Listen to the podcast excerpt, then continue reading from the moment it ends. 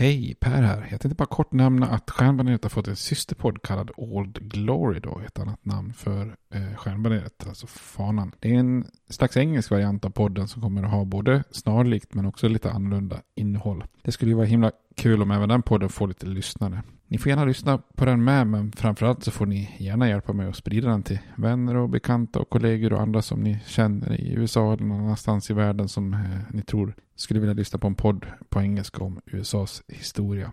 Tack, det var bara det jag ville säga. Nu kommer avsnittet. Hej då!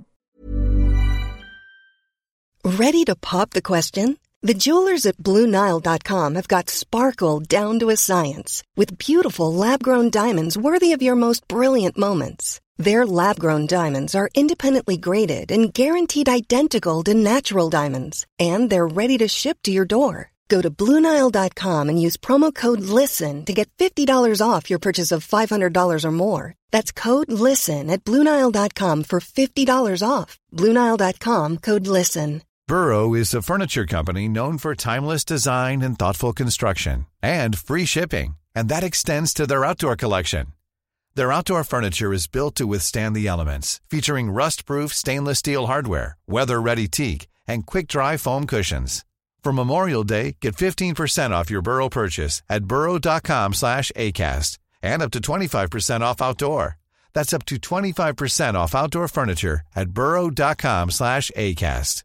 Wow! Nice! Yeah! What you're hearing are the sounds of people everywhere putting on Bombas socks, underwear, and t-shirts made from absurdly soft materials that feel like plush clouds. Yeah, that plush. And the best part? For every item you purchase, Bombas donates another to someone facing homelessness. Bombas. Big comfort for everyone. Go to bombas.com slash ACAST and use code ACAST for 20% off your first purchase. That's bombas.com slash ACAST. Code ACAST.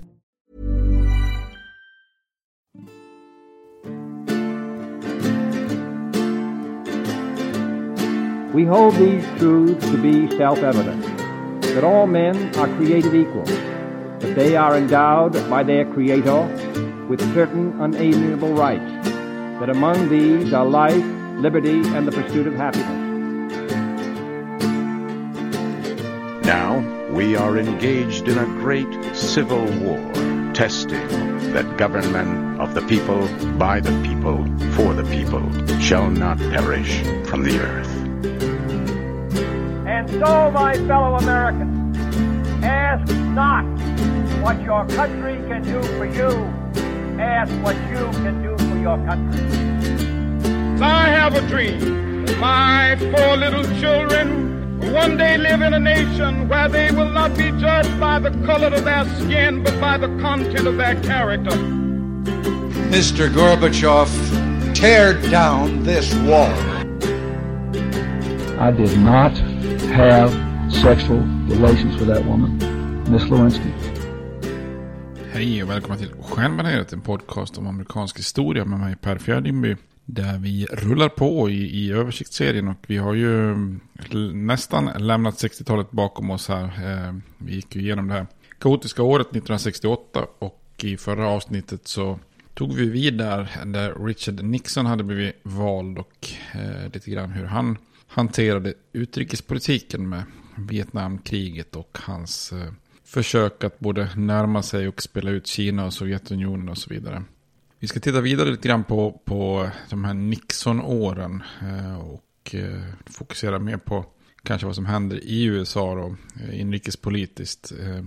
Jag tänker inte att vi i det här avsnittet hanterar det som på något vis blir själva avslutningen. Man kan ju säga att Nixons presidentskap började bra men slutade katastrof. Och då vet ni ju de flesta av er att det, jag pratar om Watergate-skandalen. Den får vi ta lite grann i ett separat avsnitt. Men eh, idag tänkte vi skulle kolla på, på inrikespolitiken och hur Nixon försöker bygga nya politiska ko koalitioner och eh, försöker hantera den lite svåra ekonomiska situation som USA hamnade i på slutet av 60-talet och början av 70-talet och som kommer att prägla Mm, stor del av 70-talet och även eh, vara väldigt eh, prägla även hans efterträdare både Gerald Ford och eh, Jimmy Carters eh, presidentskap. Men eh, vi tänkte vi skulle kika på grunden här. Så att eh, vi rullar vidare här så har vi snart lämnat absolut 60-talet bakom oss.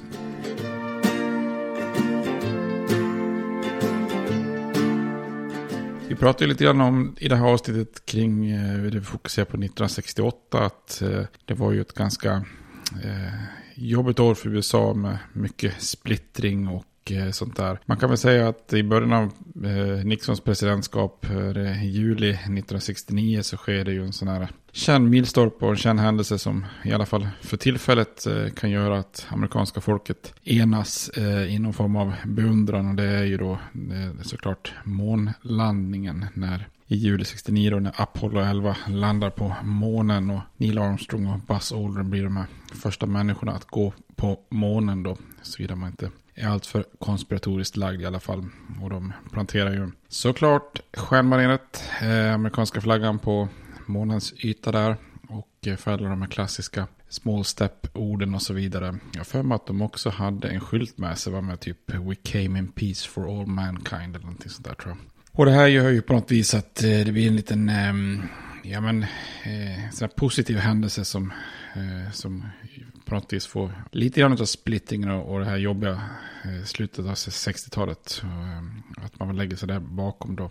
Tittar man på Nixons, när han tar över det Vita huset så hade ju Nixon kandiderat 1968 eh, han har gått till val på en återgång till en mer konservativ social och ekonomisk politik. Och han hade också haft ett tydligt budskap om lag och ordning. Och i många avseenden så förverkligar han ju detta. Men det finns ju också en del områden som han var ganska försiktig och eh, såg till att inte röra tidigare liberala eh, form, reformer då så att säga. Och det är ju egentligen på många sätt likt hans utrikespolitik att han är ganska realistiskt pragmatiskt lagd och eh, han eh, är inte riktigt lika ideologiskt driven eh, utan han känner sig fram på vad som kan fungera och vad som kan vara framgångsrikt. Liksom.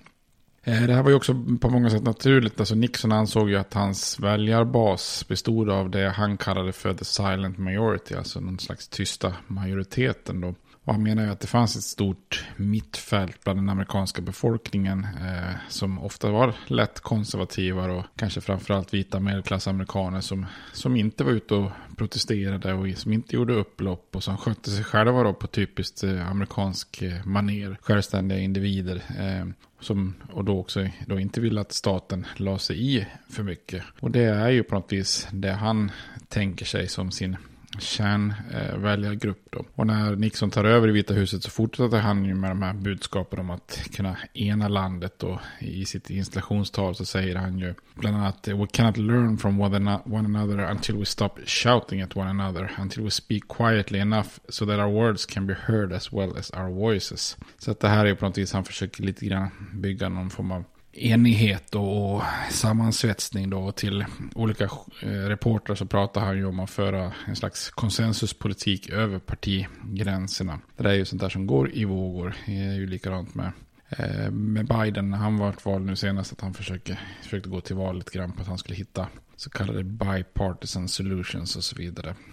Men en annan aspekt av det så att säga det var ju att också av praktiska skäl. Därför att eh, Nixon är ju den första nyvalda presidenten sedan 1949 som, eh, som behövde styra landet med en kongress vars båda kamrar hade majoritet från motståndarpartiet. Så att även om Nixon vinner presidentvalet som republikan så så hade han varken representanthuset eller senaten med sig. Oftast har man ju kanske i alla fall vunnit en kammare och i många fall eh, har man ju ridit på en framgångsvåg och eh, vunnit kanske hela kongressen och kan direkt hoppa in och jobba med sina första hundra dagar och, och sätta ett stort avtryck då åtminstone under de första två åren. Men Nixon han tvingas ju liksom då eh, av praktiska skäl att redan från start eh, försöka just hitta de här eh, konsensuspolitiken över partigränserna. Eh, och Nixons de här lite, lite moderata, lätt konservativa budskapen så eh, gjorde ju att många trodde att hans eh, styre skulle snarare då likna Eisenhowers era då med en lite mer liberal eh, republikansk politik då för att kunna få igenom sina förslag. Då. Men Nixon, han för ju landet i en något mer konservativ riktning då, men absolut inte riktigt på samma sätt som som Reagan kommer att göra sen på, på 80-talet då istället för att liksom omkullkasta eh, The Great Society som hade börjat byggas upp så var det Nixon att försöka göra den federala byråkratin lite mer effektiv. Så istället för att montera ner de här federala programmen så såg Nixon till att ansvaret för de här programmen istället fördes ut till delstaterna. Eh, och det här kallar ju han då för the new federalism, alltså en slags ny federalism där, där man för ut eh, saker till delstaterna från den federala nivån, då, alltså nationella nivån. Eh, och att minska den federala staten utan att minska hjälpen till behövande sågs ju som en, då en väg som kunde få stöd både av konservativa och liberala. Liberala fick så att säga innehållet och stöden till de som var behövande medan som konservativa fick den här minskade federala budgeten och minskade federala staten. Då. Bland de mer konservativa åtgärderna det var ju försöken att få kongressen att förbjuda den här så kallade bussningen av elever som, som, ett, som var ett sätt att försöka desegregera skolor. Han förbjöd ju myndigheter och departement att dra in finansiering för skolor som, som inte var integrerade. Och han började också montera ner och avfinansiera en hel del sociala program då, som eh, Kennedy och, och, Johnson infört inom det här området. Han avskaffade också det som är, kallas för Office of Economic Opportunity som varit liksom en central del av Johnsons Great Society som, som också framförallt kanske var riktade till, till den fattiga afroamerikanska delen av befolkningen. Då bland de lite mer liberala åtgärderna som Nixon ändå gjorde för att hitta kompromisser, det var ju att han skapade faktiskt en federal myndighet inom miljöområdet och han gav också sitt stöd till så kallade affirmative action, alltså positiv särbehandling, eh, speciellt inom byggprojekt och byggsektorn då som finansierades federalt. Så att eh, han är ju ingen eh, konservativ hårdlinje person på alla områden så att säga. En sak som kanske ibland hamnat i skymundan var ju också Nixons eh, förslag som han lägger fram som kallas för Family Assistance Plan, FAP då. Som försökte göra om egentligen välfärdssystemet i grunden. Och i, och i praktiken skulle det ju ha skapat ett system med en garanterad inkomst för alla amerikaner på 1600 dollar som man fick om man då inte tjänade mer än 4000 dollar om året. Eh, och det här förslaget eh, lägger Nixon fram och det går igenom representanthuset men det gick aldrig igenom senaten. Så att det är ju eh, sådana saker som man kanske inte tänker på. Att här hade ju Nixon faktiskt kunnat gjort ett drivit igenom ett eh, väldigt eh, liberalt och, och social, socialliberalt förslag då, med en slags eh, garanterad inkomst. Många liberaler är ju dock, och eh, har ju liksom lite, är ju på tårna och är ju lite misstänksamma mot Nixons motiv till vissa förändringar. Och det är ju med rätta då, för han är ju, han var ju aldrig liksom principiellt liberal, utan han är ju mer en pragmatisk då, på gränsen till nästan lite populistisk politiker. Eh, liten kappvändare på många sätt liksom. Och lite som Trump, känner av, bollar in lite idéer, ser vad som funkar. Kan det här ge stöd i nästa val så, ja men då kör vi på det liksom. Eh, privat kunde han till exempel beskriva afroamerikaner, judar och andra minoriteter med ett frukt fruktansvärt eh, språkbruk till exempel. Och hans inhemska politik hade ju också ett ganska slukt motiv med att, eh, att inte strida med Demokraterna i hopp om att han istället kunde då fokusera på, på sin lite mer järvare utrikespolitik. Så han försöker ju helt enkelt skapa sig lite, lite utrymme kan man säga.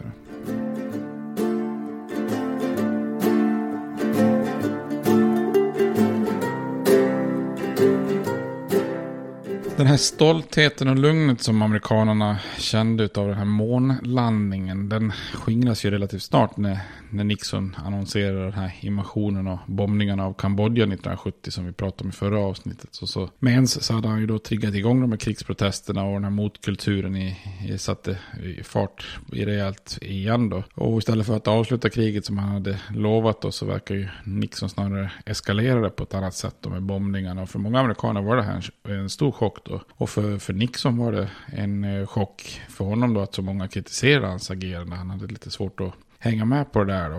Eh, och efter 1970 så, eh, efter de här inledande liberala förslagen så, så rör sig Nixon uppenbart mer åt höger politiskt och mobiliserar då den här så kallade tysta majoriteten i sin politik. Då. Han använder lite cyniskt de här protesterna och, och kritiken som finns i samhället och eh, innerstädernas våld och sociala oordning är ju då rädslor som han försöker spela på då.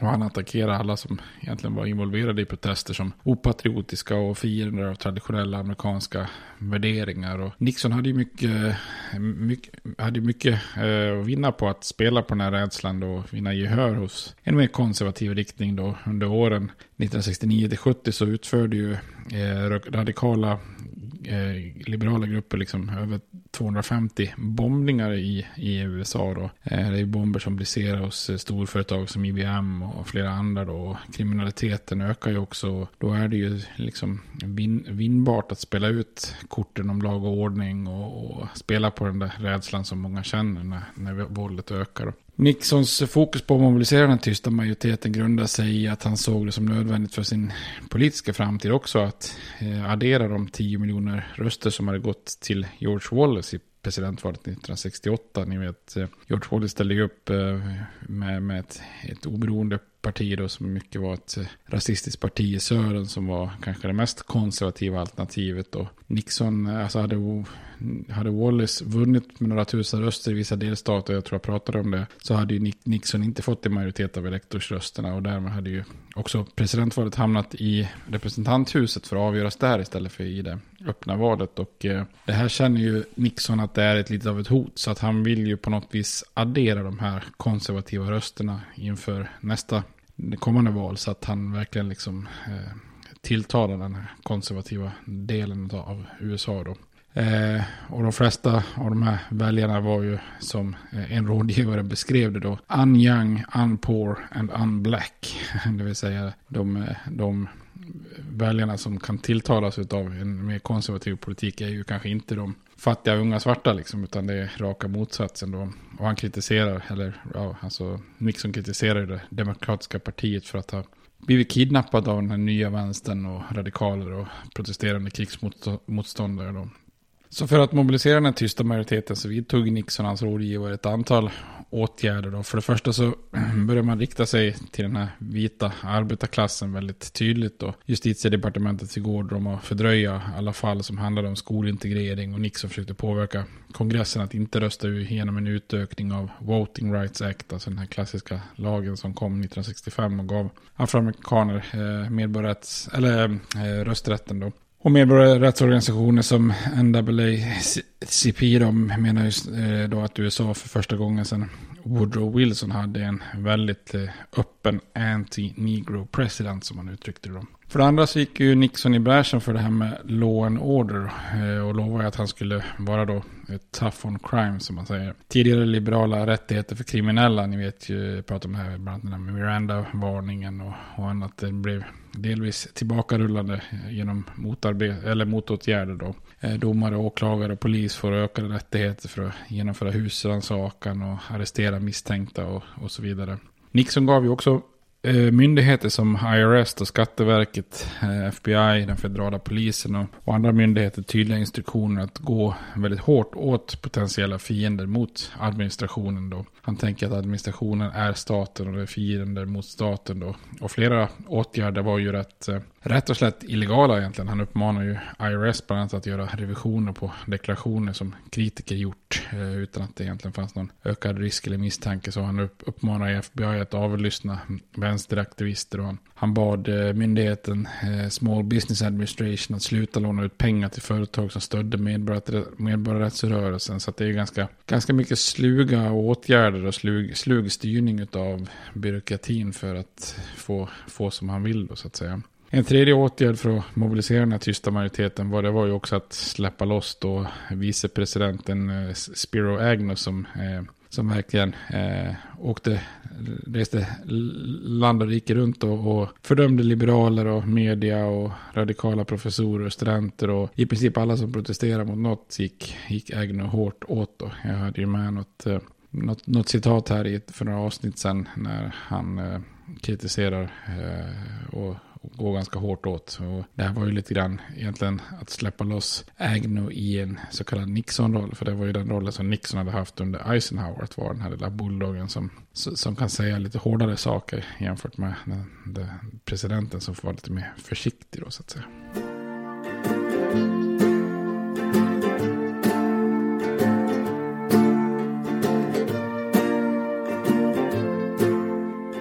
Eh, en fjärde och, och, väldigt viktig åtgärd för att mobilisera den tysta majoriteten det var ju också att sätta sin prägel på högsta domstolen och se till att eh, högsta domstolen gick i en mer konservativ riktning. Eh, och när vi pratade tidigare om högsta domstolen under Earl Warren, då chefdomaren, så, så hade de ju haft en tydlig liberal inriktning då, ett antal liberala rättsfall och, och domar då. I många avseenden så var nästan högsta domstolen liksom på 60-talet den institutionen som nästan väckte de konservativas största bitterhet. Enligt många konservativa så hade ju högsta domstolens försvar av civila friheter bidragit liksom till kriminalitet, protester och moraliskt förfall och så att säga med aborträtt och annat. Eh, Nixon han lovade den tysta majoriteten att han skulle ge högsta domstolen en mer konservativ prägel. Eh, han hade ju också en utmärkt möjlighet eftersom chefsdomaren Earl Warren drog sig tillbaka 1969 och, och behövde ersättas. Och istället för, för Warren då så utsåg Nixon eh, domaren Warren Berger. Jag vet, det här är lite förvirrande. Då. Han är Warren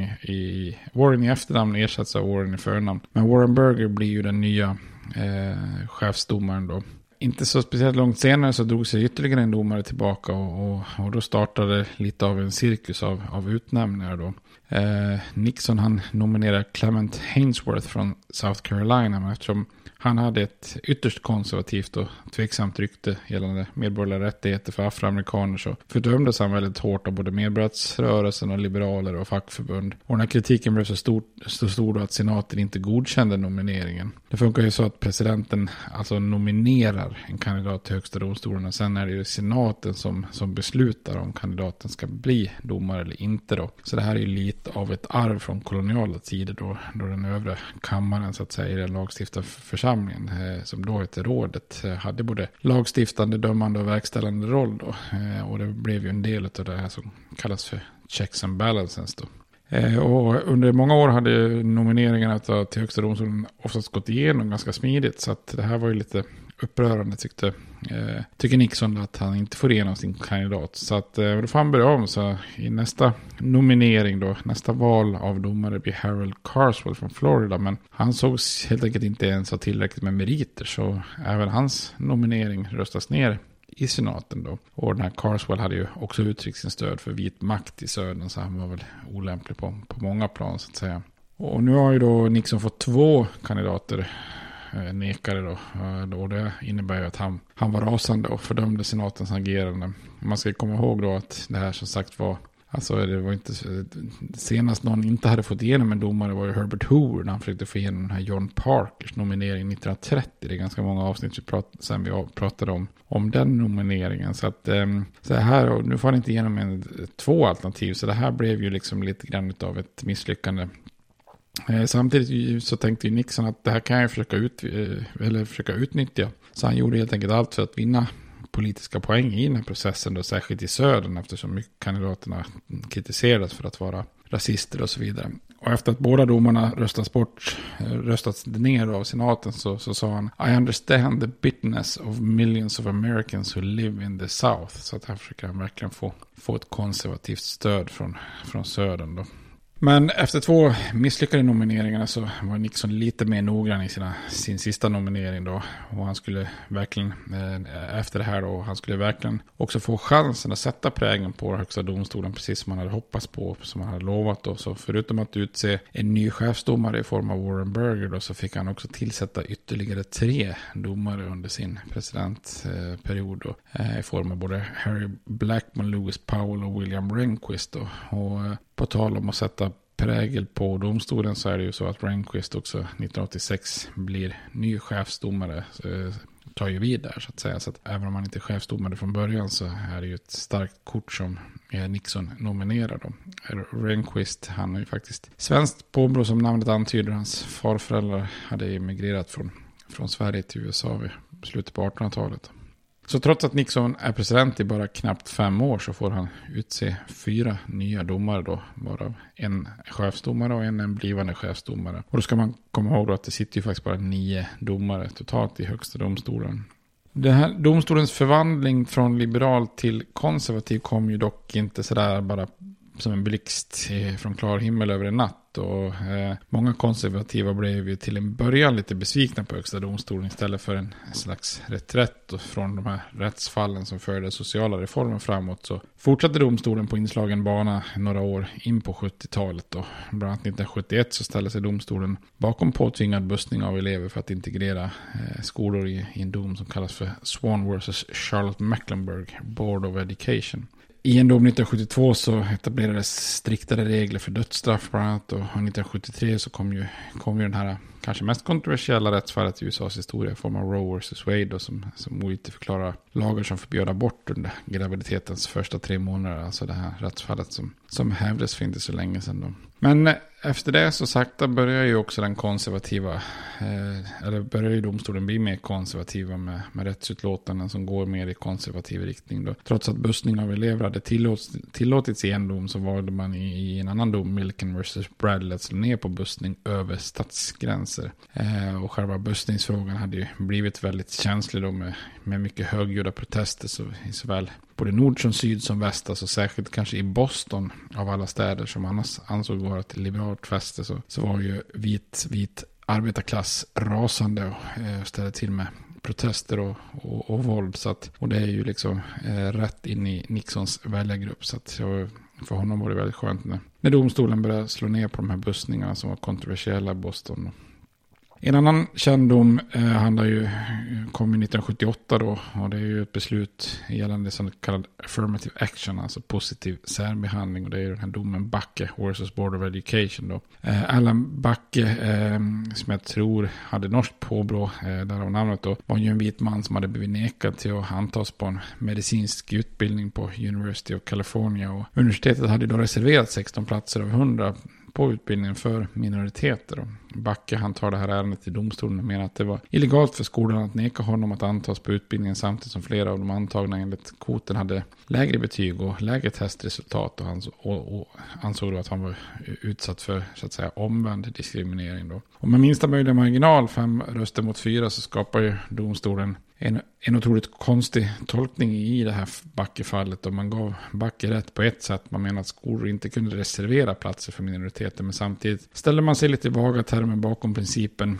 ändå. Och menar att skolor ändå på något vis kunde ta hänsyn till ansökande elevers ras när man antog elever för att uppnå mål om rasdiversifiering på på skolan då. Eh, så det här blev ju inte mycket till riktlinjer eh, helt enkelt. Och många skolor och domstolar fick ägna många år därefter för att fundera på vad högsta domstolen egentligen menade med det där. Då. Men även om det var en fördröjning så hade ju Nixon levt upp till löftet om att skapa en mer konservativ Eh, högsta domstol. Eh, där det varit svårare med bussning och sådana här positiv särbehandling. Då. Och den här lärdomen av vikten av, ja, av en konservativ högsta domstol skulle ju inte gå konservativa förbi. Och än idag är det ju liksom en fråga av rang. Och det märkte man ju inte minst när många republikaner verkade rösta på Donald Trump. Eh, då främst för möjligheten att kunna ersätta den här givna vakansen efter Scalia, den domaren som dog i slutet av Obamas presidentskap. Då. Precis som Nixon fick ju Trump sätta sin prägel på domstolen och utse tre domare under fyra år. Då,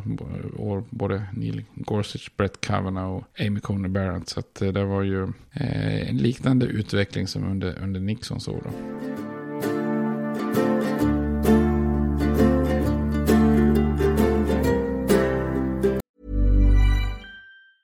Hey, I'm Ryan Reynolds. Recently, I asked Mint Mobile's legal team if big wireless companies are allowed to raise prices due to inflation. They said yes. And then when I asked if raising prices technically violates those onerous two-year contracts, they said, what the f*** are you talking about, you insane Hollywood ass?"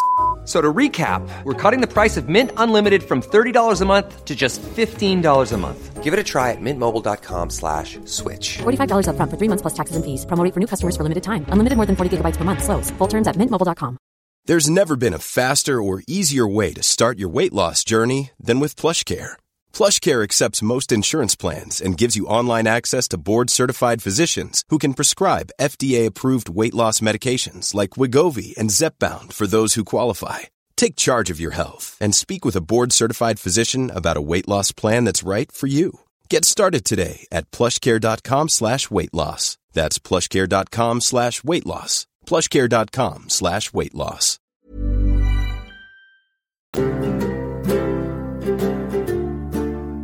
Även om Nixons största problem var Vietnamkriget och eh, hans eh, fall liksom orsakas av en politisk skandal så var det ett uppenbart bekymmer under hans år i Vita huset. Eh, den amerikanska ekonomin som hamnade allt mer i, i trubbel och i fokus. Då. Eh, I början av 70-talet så inleddes ju en långsam förvandling kan man säga av den amerikanska ekonomin som skulle drabbas av väldigt eh, svåra strukturella omställningar då. Och det blev ju då inflation och sen även stagnering och så blir det ju en kombination då som brukar kallas för stagflation och så blir det oljekriser och annat då så att säga.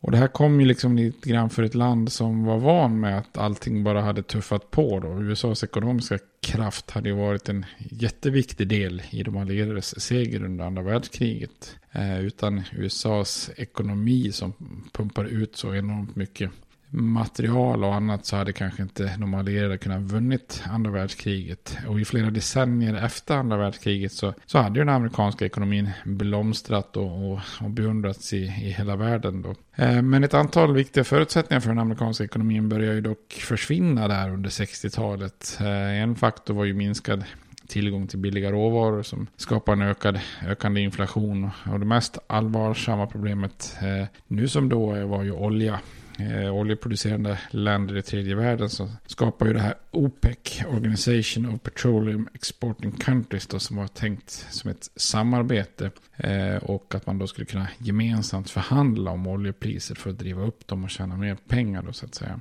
Och även om OPEC grundades redan 1960 så hade de ju till en början haft lite svårt att samarbeta de olika länderna. Men i början av 70-talet så började OPEC verkligen använda olja både som ett ekonomiskt och politiskt eh, verktyg kan man säga. Då.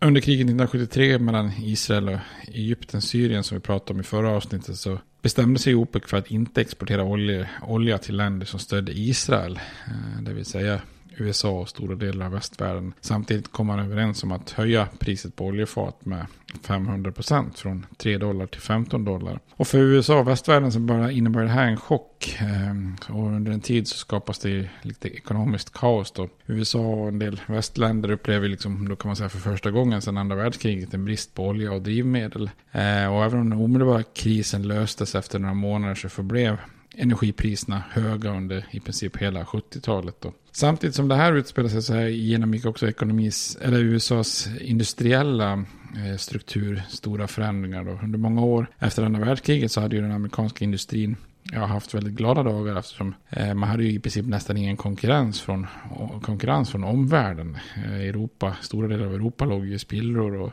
USA som, som en industrination som hade klarat sig och bara kunnat gasat under kriget eh, var ju bara, bara att rulla på då. Men i slutet av 60-talet så hade ju de flesta länder i Västeuropa och, och även Japan återhämtat sig och helt plötsligt så behöver både Västeuropa och Japan att konkurrera med sina amerikanska motsvarigheter inom produktion av, av stål och bilar och teknikvaror och andra industrivaror. Och USAs andel av världshandeln minskade med 16 procent under, under, under 60-talet och med 20, 25 procent under 70-talet. Så att här börjar ju USA få en konkurrens som man eh, inte riktigt var van med då. Och den amerikanska industrin vaknar ju också ganska sent eh, och tvingas ju till slut göra ganska hårda omställningar och prioriteringar för att lösa den här konkurrensen. Då. Eh, vissa företag går ju såklart omkull då i det här läget och andra fick ju anpassa sig och bli lite mer konkurrenskraftiga. Och den amerikanska industrins glada dagar med hög sysselsättningsgrad och höga löner och så började så sakta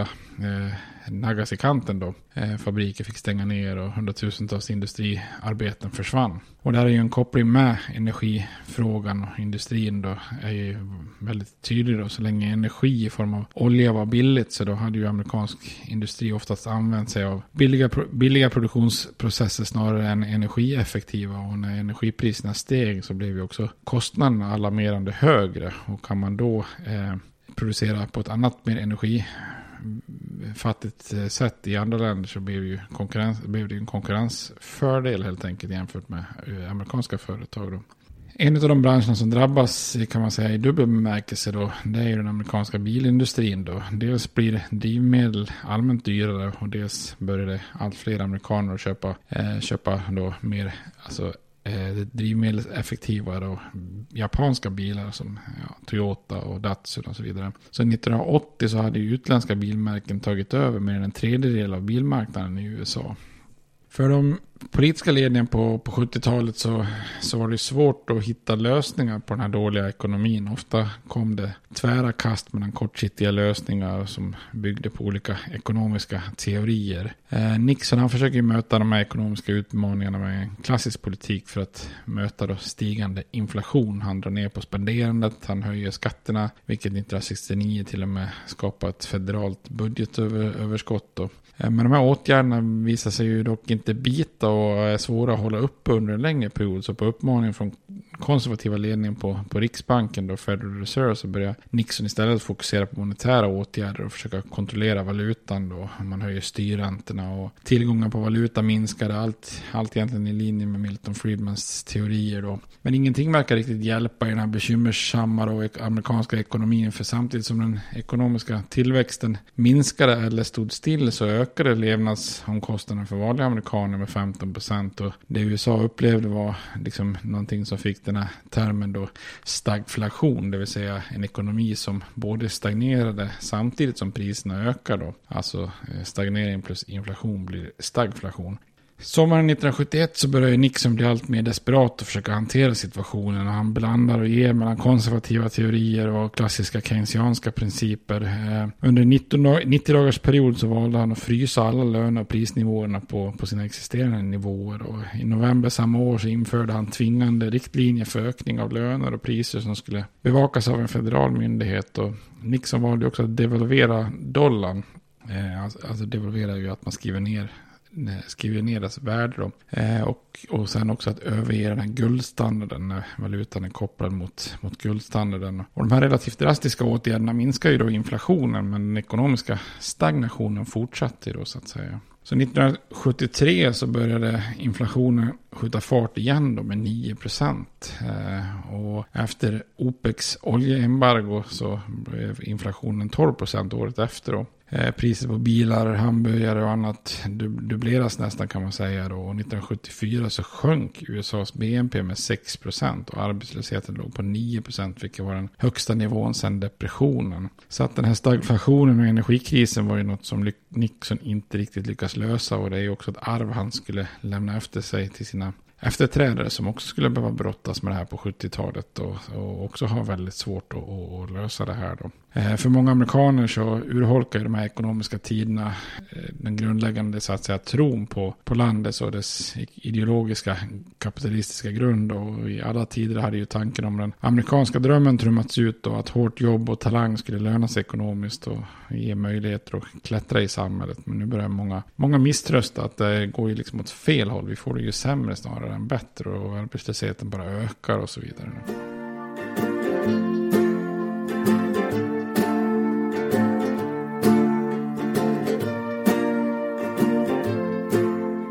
Så ekonomin var ju ett problem då. Eh, Nixon står ju också inför utmaningen att bli omvald. För 1972 så är det ju dags i USA att välja ny president igen. Eller för Nixon att försöka bli omvald igen så att säga. Eh, bland republikanerna så var ju Nixon ganska given och dels för att den sittande president oftast har en ganska stor fördel med. Men Nixon hade flera andra fördelar med och han uppfattas ju ha nått ganska stora framgångar internationellt med de här besöken till Kina och Moskva och han hade ju en hög prestige som, som politiker då. Så att, eh, och dessutom hade hans om, omvalskampanj eh, samlat in egentligen rekordmycket pengar inför kampanjen. Så att han har ju en hel del fördelar också. En annan fördel var ju också att han mötte ett väldigt splittrat och svagt motstånd i form av Demokraterna då. Eh, återigen så gav sig eh, Alabamas guvernör eh, George Wallace in i racet som en tredjepartskandidat för den konservativa och demokratiska södern med tydliga rasistiska vinklar, vinklar. Men där har ju Nixon lite tur för Wallace kandidatur fick ju ett väldigt abrupt slut när han blir skjuten under ett kampanjmöte i ett eh, köpcentrum i Maryland. Och det här innebär att Wallace blev förlamad från midjan neråt och kunde inte fortsätta sin kampanj. Så då var ju han ur, ur vägen då. Men eh, han möter som sagt ett, ett, ett väldigt splittrat motståndarparti då. Demokraterna nominerar ju George McGovern från South Carolina då. McGovern hade ju kandiderat fyra år tidigare, men då hade ju nomineringen gått till Hubert Humphreys då. Eh, McGovern var ju, alla hans nominering var ju en seger för de liberala krafterna inom Demokraterna. De hade ju förlorat fyra år tidigare och lite mer konservativa ehm, eh, Hubert Humphreys hade ju valt då, då som hade varit vicepresident under, under Lyndon B. Johnson. Men McGovern är ju en liberal kandidat. Han var ju en uttalad kritiker till Vietnamkriget och hans eh, sociala och ekonomiska åsikter var ju uttalat progressiva då. Eh, och att han nominerades berodde ju mycket på att Demokraterna gjort om sin process för nomineringar eh, som gav ett ökat inflytande för minoriteter och kvinnor och ungdomar. Och, eh, det här var lite lite sarkastiskt, nog var det ju regler som McGovern själv hade varit med och tagit fram. Så att han hade ju på något vis gynnat, gynnat sig själv för att kunna bli nominerad på, på ett sätt. Då. Eftersom de här demokratiska grupperna förknippas väldigt mycket med alla de här protesterna och motkulturen på 60-talet så gynnar ju det här eh, Eh, Nixon då att, att liksom McGovern blir nominerad som ett väldigt liberalt alternativ då. Och det gynnar ju Nixons konservativa budskap som, som inte var extremt men som försökte då fånga den här så kallade tysta majoriteten. McGoverns kandidatur led ju också av att, eh, att han bytte vicepresidentkandidat.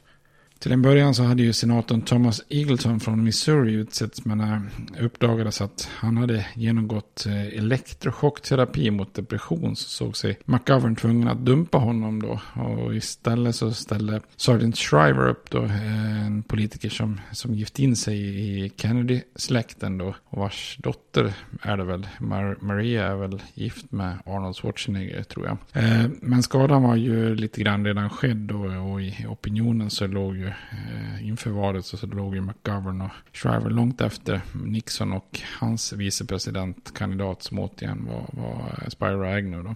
Nixon fortsatte ju också med det som kallas för Republikanernas Southern Strategy.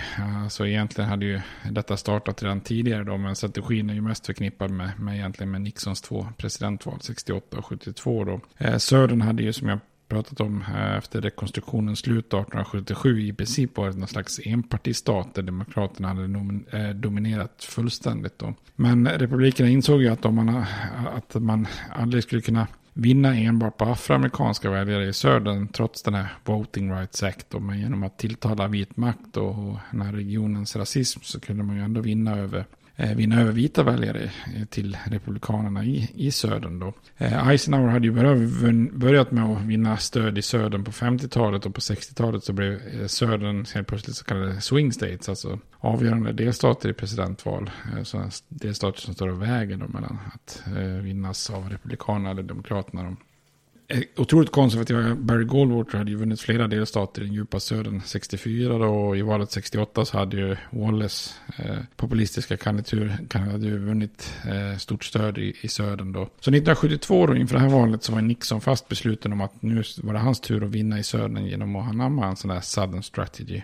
Nixons stabschef stabschef Harry Holderman beskrev det som att, eh, eh, det att Nixon emphasized that you have to face the fact that the whole problem is really the blacks. The key is to devise a system that recognize this while not appearing to. Så att man försöker liksom att tilltala rasist, rasismen utan att egentligen eh, formellt sett eh, eh uttala sig så säkert öppet. Och Nixon, han lyckas ju mer än någon annan göra det här. Han pratar ju om law and order och annat och liksom som, som tilltalar rasister utan att egentligen säga lika rasistiska saker som Wallace då. Och han vann ju då 70% av rösterna i den djupa södern och eh, 65% av rösterna om man ser till alla de forna konfedererade staterna. Så att eh, Nixon lyckas ju verkligen med sin Southern Strategy och vinner, vinner väldigt stort då så att säga. Så Wallace skada då, eh, Demokraternas splittring, McGoverns problem med vicepresidentkandidat i kombination med en väljarkår som tröttnat på kaos och ville ha lite ordning och, och reda gynnar ju Nixon väldigt, väldigt stort. Eh, och Nixons strategi att tilltala den här tysta majoriteten eh, som han menade inte protesterade och att tilltala den här eh, Southern Strategy eh, blev extremt framgångsrikt. Då. Så att han vinner ju ett ett eh, storslam på valdagen 1972 då. Han vinner med en av de absolut största marginalerna någonsin. Han vann 60,7 procent av rösterna, alltså det popular vote, mot McGoverns 37,5 då. Och när det här översattes till elektorsröster så var ju segern en fullständig kross då. 520 elektorsröster mot 17. Eh, McGovern vann enbart delstaten Massachusetts och eh, huvudstadsdistriktet Washington DC. Eh, Nixon vinner samtliga övriga eh, delstater då, så att säga.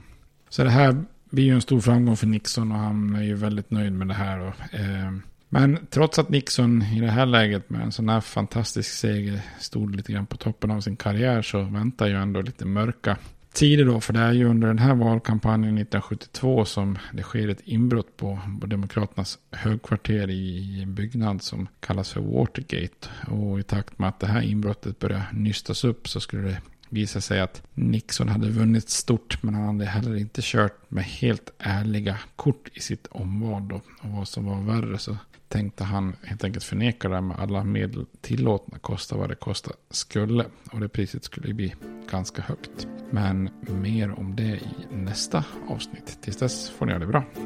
Hej då!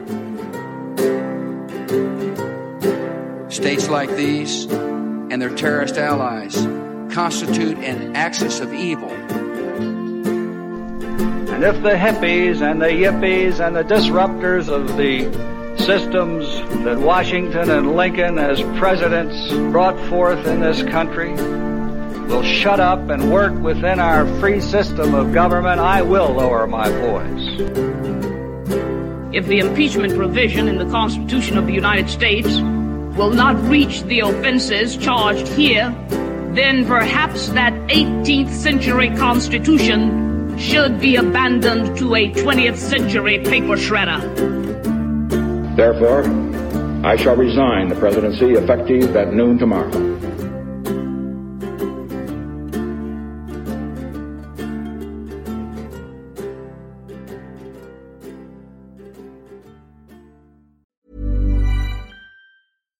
Here's a cool fact a crocodile can't stick out its tongue.